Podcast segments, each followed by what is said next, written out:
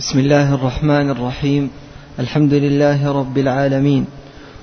والصلاة والسلام على أشرف الأنبياء والمرسلين نبينا محمد وعلى آله وصحبه أجمعين. الصلاة والسلام. قال الشيخ بكر بن عبد الله أبو زيد رحمه الله تعالى في كتابه حلية طالب العلم. ثامنا تحل بالمروءة. التحلي بالمروءة وما يحمل إليها. من مكارم الأخلاق. بسم الله الحمد لله والصلاة والسلام على رسول الله. آه، المصنف رحمه الله يقول أنه طالب العلم لا بد أن يتحلى بالمروءة. وقال من مكارم الأخلاق الله سبحانه وتعالى يقول وقل لعبادي يقول التي هي أحسن ولم يقل حسن. فأحسن ما لديك؟ قال هذا هو الذي تخاطب به غيرك. نعم. وطلاقة الوجه. نعم. وإفشاء السلام. قال إفشاء السلام على من عرفته وعلى من لم تعرف. ويعني بعض طلاب هدانا الله إياهم يظن أن إفشاء السلام يكون للعوام. أما لطلاب العلم قال ما يسلم عليهم. وهذا إشكال. والأصل أن النبي صلى الله عليه وسلم قال من بدأكم بالكلام قبل السلام قال فلا تجيبوه.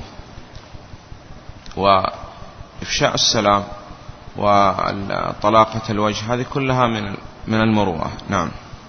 وتحمل الناس. نعم. والأنفة من غير كبرياء والعزة في غير جبروت والشهامة في غير عصبية. يعني هذه كلها من من المروءة أنه يصنع هذه الأمور. من لا يتكبر على الخلق لكن يكون في عزة لا في ذل ولا هوان. نعم. والحمية في غير جاهلية. نعم لأن الحمية إذا كانت الدافع عليها الفخر بما عليه الآباء والأجداد قال هذه من الجاهلية.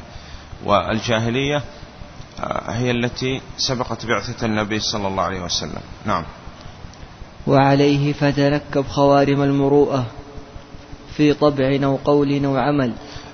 وإذا كان يعني عند الإنسان طبع مخالف للشرع أو للمروءة أو ما إلى ذلك قال لابد أن يغير هذا الطبع. نعم. من وعليه فتنكب خوارم المروءة في طبع أو قول أو عمل من حرفة مهينة هذا تقدم معنا أنه يعني بعض الحرف قال أنه يعني هي تكون من خوارم المروءة. نعم. أو, أو خلة رديئة. آه، إذا كان عنده خصلة أو آه، قال شيء يعني رديء يغيره. نعم. والنبي صلى الله عليه وسلم قال ذاك الصحابي قال إن فيك خصلتين يحبهم الله ورسوله الحلم والأنا نعم. أو خلة رديئة كالعجب والرياء. آه، كالعجب والرياء يعني مراءة الناس. نعم. وهذا من من أخلاق المنافقين. يراؤون الناس ولا يذكرون الله إلا قليلا. فإذا كان آه، يعني يشعر من نفسه أنه عنده شيء من هذا قال لابد أن يغير آه، هذا الأمر إلى ما يحبه الله سبحانه وتعالى ويحب رسوله عليه الصلاة والسلام. نعم. كالعجب والرياء والبطر والخيلاء. نعم. الخيلاء آه، يكون تقدم معنا أيضا. نعم. واحتقار الآخرين. احتقار الآخرين لأنه يرى أنه, أنه على شيء من العلم أو الفقه أو يعني القرب من العلماء وما إلى ذلك. نعم. وغشيان مواطن الريب. غشيان مواطن الريب. النبي صلى الله عليه وسلم عندما خرج مع صفية رضي الله عنه عندما جاءته وهو في معتكف عليه الصلاة والسلام فمر رجلين من الصحابة وأسرعوا في المشي. فقال عليه الصلاة والسلام على رسلكما إنها صفية لأن النبي صلى الله عليه وسلم خشي أن الشيطان يوقع في قلب هؤلاء شيء. فلا بد أن الإنسان يبتعد عن مواطن الريب حتى لا يظن الناس به سوء. فقال أنه يبتعد عن مواطن الريب. مثاله قال أيضا يلبس ساعة وهذه الساعة لونها يعني قريب من لون الذهب. فهو الأصل قال أنه يبتعد عن هذا. لماذا قال؟ حتى لا يكون في موضع ريبة أنه طالب علم وكذا ويلبس ساعة من ذهب. فيظن العوام هذا ولعلهم يعني يقتدوا بهذا ويقولوا ما لبس فلان هذه الساعة إلا لأنها حلال. مواطن الريب أيضا يعني ما يمشي أحيانا يعني في أماكن يكون فيها يعني منكرات كالأسواق وكذا. نعم. تاسعا التمتع بخصال الرجولة. هذا تقدم معنا أنه الأصل أنه يتحلى بالرجولة ويبتعد عن التشبه بالنساء وما إلى ذلك وهذا يعني نهى عنه النبي صلى الله عليه وسلم بل هو كبيرة من الكبائر التشبه بالنساء. نعم. فيأتي بالأشياء التي تكون يعني تجلب له يعني يكون فيها رجولة له. نعم. تمتع بخصال الرجولة من الشجاعة وشدة البأس في الحق. شدة البأس لكن قال في الحق. والنبي صلى الله عليه وسلم ما انتقم لنفسه قط إلا أن تنتهك حرمات الله. وهذا هو الأصل. أنه قال يغضب لله ويرضى لله. لا يغضب لنفسه ولا لغيره. قال وقال النبي عليه الصلاة والسلام إن أعطي رضي وإن لم يعطى سخط. إذا هذا دليل أن رضاه وسخطه كان لأجل الدنيا لا لأجل الله سبحانه وتعالى. نعم. وشدة البأس في الحق. ومكارم الأخلاق نعم. والبذل في سبيل المعروف. والبذل في سبيل المعروف وقال تعن صانعا أو تصنع لأخرق يعني يبذل سواء كان الجاه أو ببدنه يساعد الضعيف والمحتاج والجاهل وما إلى ذلك. نعم. والبذل في سبيل المعروف حتى تنقطع دونك آمال الرجال. نعم. وقال هذه هي من شيم الرجال. نعم. وعليه فاحذر نواقضها. نعم. من ضعف الجأش وقلة الصبر نعم. وضعف المكارم فإنها تهضم العلم وتقطع اللسان عن قولة الحق وتأخذ بناصيته إلى خصومه في حالة تلفح بسمومها في وجوه الصالحين من عباده. نعم. عاشرا هجر الترفه هجر الترفه لأن النبي صلى الله عليه وسلم كان ينهى عن كثرة الإرفاه. يعني التنعم كثرة التنعم. يعني وقال يعني بعض الناس قال يتعبك في السكن ويتعبك في السفر وما ذلك. يقول أنا لا أستطيع النوم إلا يكون لي وسادة خاصة بي ونوع من الفراش ولا بد أن يكون الجو على يعني صفة كذا ولا آكل من الطعام إلا كذا وكذا وكذا ولا أحب أن أكل أي طعام وفي السفر على هذا. فهذا قال يتعبك من كان على هذا. وقال أنه عادة الشرع جاء لقطع العادة. جاء الشرع لقطع العادة. مثاله أحيانا نصلي الفجر الساعة الرابعة وأحيانا الساعة الخامسة وأحيانا الساعة السادسة حتى تنقطع العادة. أحيانا تصوم رمضان في الصيف وأحيانا تصوم رمضان في في الشتاء. ويعني في الحج تنقلب عادة الإنسان. فقال أنه الشرع جاء لقطع العادة حتى لا يكون للإنسان عادة لا يتغير عنها. لأنه لو كان للإنسان عادة لا يتغير عنها هذا يتعب يتعب هو في نفسه ويتعب الآخرين معه.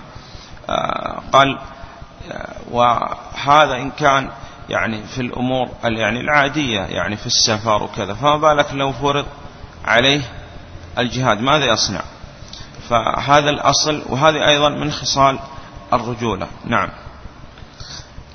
لا تسترسل في التنعم والرفاهية. يعني لا تسترسل في التنعم والرفاهية وقال أكون يعني هل كل ما يعني تطلب النفس وتشتهيه تعطيها إياه. لابد أن تذيق النفس شيء من الصبر والجلد والخشونة. نعم. فإن البذاذة من الإيمان. نعم. يعني ترك الترفه. نعم. وخذ بوصية أمير المؤمنين. عمر بن الخطاب رضي الله عنه في كتابه المشهور. وفيه وإياكم والتنعم وزي العجم. وتمعددوا واخشوشنوا نعم. فاخشوشنوا فإن النعم لا تدوم. نعم لأنه قد يعني يتغير حال الإنسان ويكون في بعض الأحوال يعني يحتاج أن يمشي أحيانا يقول بلا نعل وأحيانا يقول أنه ما يجد ثياب يلبسها حتى يتدفأ وكذا. ليس معنى هذا أن الإنسان يسير على ما كان عليه المتصوفة. لا قال لكن هو يكون دائما وسط. لا إفراط ولا تفريط. نعم.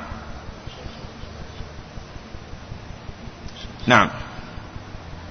يعني ترك الإرفاق وإياكم والتنعم وزي العجم وتمعددوا واخشوشنوا نعم. وعليه فازور عن زيف الحضارة فإنه يؤنث الطباع ويرخي الأعصاب. نعم يؤنث الطباع يعني يجعل فيها شيء من الأنوثة لأنه اعتاد على الرفاهية والتنعم وكذا. نعم. ويقيدك بخيط الأوهام. نعم. ويصل المجدون لغاياتهم وأنت لم تبرح مكانك. وقال أنه يعني المجد لا ينتظر يعني العون من الخلق وكذا ينتظر يطلب العون فقط من الله. إذا استعنت فاستعن بالله. فالمجد يقول لا يبالي بهذه الأمور. يعني بعض الطلاب هدانا الله إياهم يقول أنا ما أستطيع أطلب العلم حتى يكون عندي جهاز آه، جوال محمول جهاز كمبيوتر محمول وجهاز جوال فيه كذا وكذا وكذا من الأمور المطورة وكذا ويعني لابد أن يكون عندي كذا كذا من الأجهزة المطورة. وتعرف أنه بعض الناس لا يعرف هذه الأمور كلها. وفتح الله سبحانه وتعالى وبلغ ما يريد بفضل الله ومنه. فهو لا ينتظر هذه الأمور كلها. فهو يسعى على ما أعطى الله سبحانه وتعالى من قوة. قال لا يكلف الله نفسا إلا وسعها. فهذا الذي يعني يريد أن يسير ولا الحضارة وكذا قال يعني دائما تجد يبقى ولا يصل. وهناك من الناس من يعني يقول أنه طلب العلم تطور الآن وأصبح يعني ممكن طلب العلم عن طريق الانترنت مثلا. صحيح الذي لا يجد إلا هذا لا يكلف الله نفسا إلا وسعها. وما لا يدرك كله ما لا يدرك كله قال لا يترك جله. فقال هو بهذه الطريقة عندما يترك مجالس أهل السنة وما يعني ما يدر عليه من فضائل. مثاله يعني فضل الجلوس في المساجد وحلق العلم وكذا قال يتركها هذه كلها ويرجع إلى الأمور هذه التي يعني قد تذهب عليه بعض الحسنات. نعم. وعليه فازور عن زيف الحضارة فإنه يؤنث الطباع ويرخي الأعصاب ويقيدك بخيط الأوهام. ويصل المجدون لغاياتهم وأنت لم تبرح مكانك مشغول بالتأنق في ملبسك. يعني قال مشغول بهذا. يعني بعض الناس يقول يعني يقف أمام المرآة يعني أحيانا نصف ساعة. وقال هذا هو حال النساء نسأل الله السلامة والعافية. يعني ما يمكن إنسان للرجولة وكذا يقف أمام المرآة بهذا الشكل وهذا الوجه. نعم. وإن كان منها شيات ليست محرمة ولا مكروهة. نعم قال قال إن كان منها يعني أشياء ليست بمحرمة ولا مكروهة لكنها هي من أولا تضيع للوقت والثانيا يعني فيه يعني شيء من ترك الرجولة. نعم. وإن كان منها شيات ليست محرمة ولا مكروهة لكن ليست سمتا صالحا. أي نعم. فالسمت الصالح هو يعني ما كان ما كانت تقتضيه الرجولة. نعم. لكن ليست سمتا صالحا والحلية في الظاهر كاللباس عنوان على انتماء الشخص. هذا هو يقول إنه أن الظاهر عنوان الباطن. وعندما يعني قام الصحابة قال خلف النبي صلى الله عليه وسلم وصلى عليه الصلاة والسلام جالس قال إن كنتم آنفا لتصنعون فعل فارس بعظمائهم يقومون على رؤوس ملوكهم لأن الظاهر عنوان للباطن. وقال آه، عباد الله لتسون صفوفكم أو ليخالفن الله بين وجوهكم في رواية بين قلوبكم لأن الظاهر عنوان الباطن. ونهينا عن التشبه بالمشركين. بأهل الجاهلية بأهل الكتاب وبالنساء. قال لماذا؟ لأن الظاهر عنوان على الباطن. فقال هذا الذي في سمته يعني يقتدي بالأئمة أولا قال بالنبي صلى الله عليه وسلم لأنه هو قلنا هو الميزان عليه الصلاة والسلام. ثم ما كان عليه السلف الصالح. فهذا يقول يدل على انتماء هذا الرجل لأهل السنة. آه، ذكر شيخ الإسلام رحمه الله في الحموية قال أشياء يكون بها الإنسان تعرف بظاهره أنه من أهل السنة في سمته. قال تقصير الثوب أن يكون فوق الكعبين أو إلى نصف الساق وإطلاق اللحى والأمر بالمعروف والنهي عن المنكر والحرص على الجمعة الجمع والجماعات وقال النصح للأمة وأن تصل من قطعك. هذا أيضا ذكر في نهاية الواسطية. وتعطي من حرمك. قال هذه أشياء إذا نظرت إلى سمت الرجل تعرف أنه منتمي لأهل السنة والجماعة. وقال ومنها أيضا يذكر في كتب العقائد المسح على الخفين. قال هذا من طريقة أهل السنة والجماعة لأنه خالف فيه الرافضة. ويذكر هذا مع أنه هي مسألة فقهية لكن يذكره في كتب العقائد لأنه أصبحت شعار لأهل السنة. هم يسموا هذه الأمور شعار لأهل السنة. فلا بد أن طالب العلم قال ينظر إلى ما كان عليه السلف ويقتدي بهم في الظاهر والظاهر هو عنوان الباطن نعم. والحلية في الظاهر كاللباس عنوان على انتماء الشخص. أي نعم. فما بالك لو إنسان يسبل الثياب ويحلق اللحية ويلبس البنطال وما إلى ذلك؟ قال ولا يمسح الخفين. قال ولا يحافظ على الجمع ولا على الجماعات ولا على الأذكار أدبار الصلوات ولا يصل الرحم وما إلى ذلك. قال هذا عنوان للباطل. نسأل الله السلامة والعافية. هو منتمي للمخالفين لأهل السنة والجماعة. نعم. كاللباس عنوان على انتماء الشخص. نعم. بل تحديد له. نعم. وهل اللباس إلا وسيلة من وسائل التعبير عن الذات؟ فكن حذرا في لباسك لأنه يعبر لغيرك عن تقويمك في الانتماء. وأيضا يعني هناك تنبيه يعني الأصل أن الله سبحانه وتعالى قال يا بني آدم خذوا زينتكم عند كل مسجد. فالأصل أن الإنسان إذا جاء للمسجد يكون في أكمل زينة. وهذا مر معنا في الدروس المهمة. قال أن عندنا أمر واجب وهو ستر العورة. وتقدمت معنا أن العورات تنقسم إلى ثلاثة أقسام. لكن هناك أمر زائد على هذا وهو أخذ الزينة فيأتي الإنسان إلى المسجد وإلى الدروس العلمية في أكمل لباس. نعم. وقال لأن هذا يدل على أن الطالب أراد بحضوره لهذا الدرس وكذا لأنه كان في عنده شيء من الاحترام لهذا الدرس. وفيه أن تقدم معنا في حديث جبريل عليه السلام قال أنه جاء في لباس حسن. نعم. وهذا لابد أن يكون سمت طالب العلم وأن قال كما قال هو الظاهر عنوان الباطن. نعم. فكن حذرا في لباسك لأنه يعبر لغيرك عن تقويمك في الانتماء والتكوين والذوق. وأنت يعني بحسب ما من تنتمي إليه. فإذا كنت تحب أهل السنة وتواليهم قال الأصل أن تلبس لباس الذي يلبسه أهل السنة والجماعة ولو تخالفهم فيه. نعم. ولهذا قيل الحلية في الظاهر تدل على ميل في الباطن. نعم. والناس يصنفونك من لباسك بل إن كيفية اللبس تعطي للناظر تصنيف اللابس من الرصانة والتعقل أو التمشيخ والرهبنة أو التصابي وحب الظهور.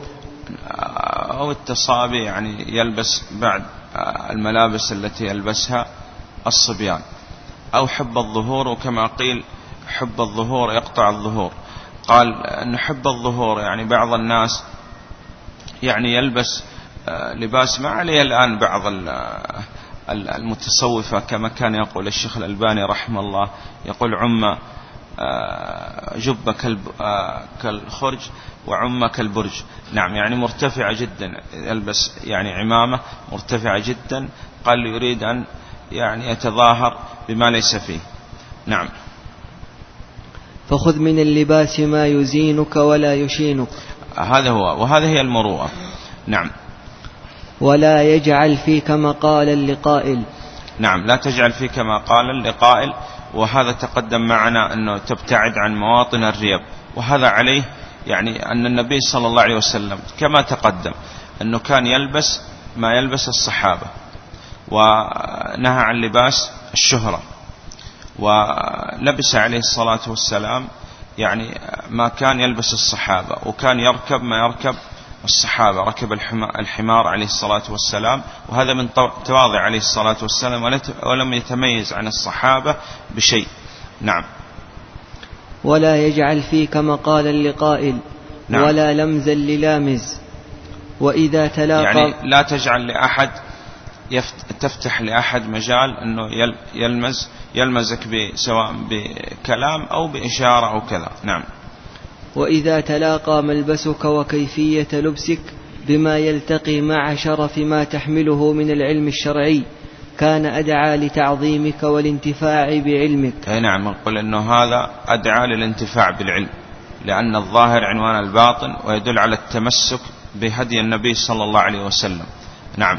ولأن يقول أن بعض الناس يكون في بعض المجتمعات اللي يكون فيها يعني ترك للسنة وكذا تجد أحيانا يستحي يعني من آه، قصر الثوب أو من اللحية وكذا فتجد يستحي. والأصل أنه يرفع رأسه بهذا لأنه ينتمي إلى سنة النبي صلى الله عليه وسلم. نعم. وبهذا يقول يكون يعني لو تكلم أو أمر بالمعروف أو نهى عن المنكر يكون أدعى في قبول هذا الكلام لأنه هو يتكلم بما أو يدعو بما يعمل به. نعم وهو متمسك به ظاهرا وباطنا. ولذلك إحنا قلنا سموا أهل السنة لتمسكهم بالسنة ظاهرا وباطنا. نعم. بل بحسن نيتك يكون قربة. يقول أن بحسن النية وبحسب النية يكون هذا قرب لله سبحانه وتعالى لأنه ينوي بهذا اللباس التقرب إلى الله سبحانه وتعالى. والدعوة إلى الله تكون كما تكون بالقول أيضا تكون بالفعل. نعم. إنه وسيلة إلى هداية الخلق للحق. نعم تكون بالفعل. النبي صلى الله عليه وسلم في الحديبية عندما أمر النبي صلى الله عليه وسلم الصحابة رضي الله عنهم بالحلق والنحر ما تحرك أحد. فقام عليه الصلاة والسلام عندما قالت دخل على صفية رضي على أم سلمة رضي الله عنها فذكر لها ما لقي من الناس. فقالت يا رسول الله اخرج قال واحلق وانحر. فلأن الفعل يقول أحيانا يكون أعلى من القول. لماذا؟ قال لأن يكون فيه الاتباع والتأسي. نعم بالنبي عليه الصلاة والسلام. نعم. وفي المأثور عن أمير المؤمنين عمر بن الخطاب رضي الله عنه أحب إلي أن أنظر القارئ أبيض الثياب أي ليعظم في نفوس الناس فيعظم في نفوسهم ما لديه من الحق. والناس كما قال شيخ الإسلام ابن تيمية رحمه الله تعالى كأسراب القطا مجبولون على تشبه بعضهم ببعض. نعم يقولون يعني أمر جبل فيهم أنهم يعني يتشبه بعضهم ببعض. فالرجل من أهل السنة لابد أن يتشبه بأهل السنة لأنه منهم. والذي نسأل الله السلام والعافية من أهل البدع هو يحرص على مخالفة أهل السنة والتشبه بأهل البدع. والنبي صلى الله عليه وسلم قال على ما ذكر من البياض قال البسوا البياض وكفنوا فيها موتاكم. وجبريل عليه السلام عليه السلام قال جاء آه، في آه، قال آه، شديد بياض الثياب. نعم. وهذا قال أن يكون هو سمت طالب العلم. نعم. والناس كما قال شيخ الإسلام ابن تيمية رحمه الله تعالى كأسراب القطا. مجبولون على تشبه بعضهم ببعض. فإياك ثم إياك من لباس التصابي لباس التصابي يتقدم معنا. أنه يلبس ما يلبس الصبيان. نعم. وأنه قال يعني هو يصغر في نفسه وفي أعين الآخرين. نعم. أما اللباس الإفرنجي فغير خاف عليك حكمه. غير خاف عليك حكمه يعني تحريمه. يعني ما يلبس الكفار. نعم. وليس معنى هذا أن تأتي بلباس مشوه. نعم قل ليس معنى هذا أنك تأتي بلباس مشوه. وتقدم معنا أنه يدل اللباس على الوقار وحسن السمت وكذا. نعم. وليس معنى هذا أن تأتي بلباس مشوه لكنه الاقتصاد في اللباس برسم الشرع. نعم وإحنا تقدم معنا أنه الأصل الاقتصاد. أنه لا تبذير يعني في اللباس وفي الطعام والشراب وغيره. نعم. تحفه بالسمت الصالح والهدي الحسن وتطلب دلائل ذلك في كتب السنة والرقاق لا سيما في الجامع للخطيب. ولا تستنكر هذه الإشارة فما زال أهل العلم ينبهون على هذا في كتب الرقاق والآداب واللباس. والله أعلم. نعم. الحادي عشر. الله أعلم نقف إلى هذا. ويقول بعض هذا السائل يقول يعني أنه بعض الطلاب يعني يلبس الثوب والإزار وكذا إلى نصف الساق. ويقول هذا مخالف لل... إذا كان مخالف للعرف. الأصل يعني كما تقدم معنا أن الأصل أن الطالب يعني يقتدي بهدي النبي صلى الله عليه وسلم. وإذا يعني طلاب العلم يعني ما صنعوا هذا في لباسهم الله أعلم من يصنع هذا. و بل اتباع السنة لا تكون شهرة أبدا. بل المخالفة للسنة أحيانا هي تكون شهرة. لكن يعني يعني يظن بعض الطلاب أن بعض الأشياء هي من السنة. مثال لبس هذا ما نلبس نحن الآن الشماغ إذا رجع مثلا إلى بعض البلدان ليس فيها يعني لبس مثل هذا. وهذا ما جرت عليه العادة عندنا والعرف. مثال لو أراد إنسان اليوم أن يلبس إزار ورداء يلبس ما يلبس المحرم الآن. هل هذا من السنة؟ لا. قد يكون هذا لباس شهرة. فهو يلبس ما لا يخالف الشرع ولا يخالف العرف. فالعرف عندنا يلبس المتعارف عليه. ما لم يخالف الشرع. إذا عندنا الأصل هو الشرع لا العرف. فإذا كان يعني ذهب إلى بعض البلدان وكان هذا البلاد عرفهم لبس الإفرنج البنطال مثلا. هل يوافقهم فيه؟ يقول لا ما يوافقهم فيه. الأصل موافقة الشرع. ثم إذا يعني هل معنى هذا إذا وجد أن العرف فيه إسبال للإزار. هل يصنع كما يصنع الناس؟ قال لا هو يتمسك بالسنة. قدر المستطاع. صحيح؟ نعم. والله أعلم. صلى الله على محمد وعلى صحبه وسلم.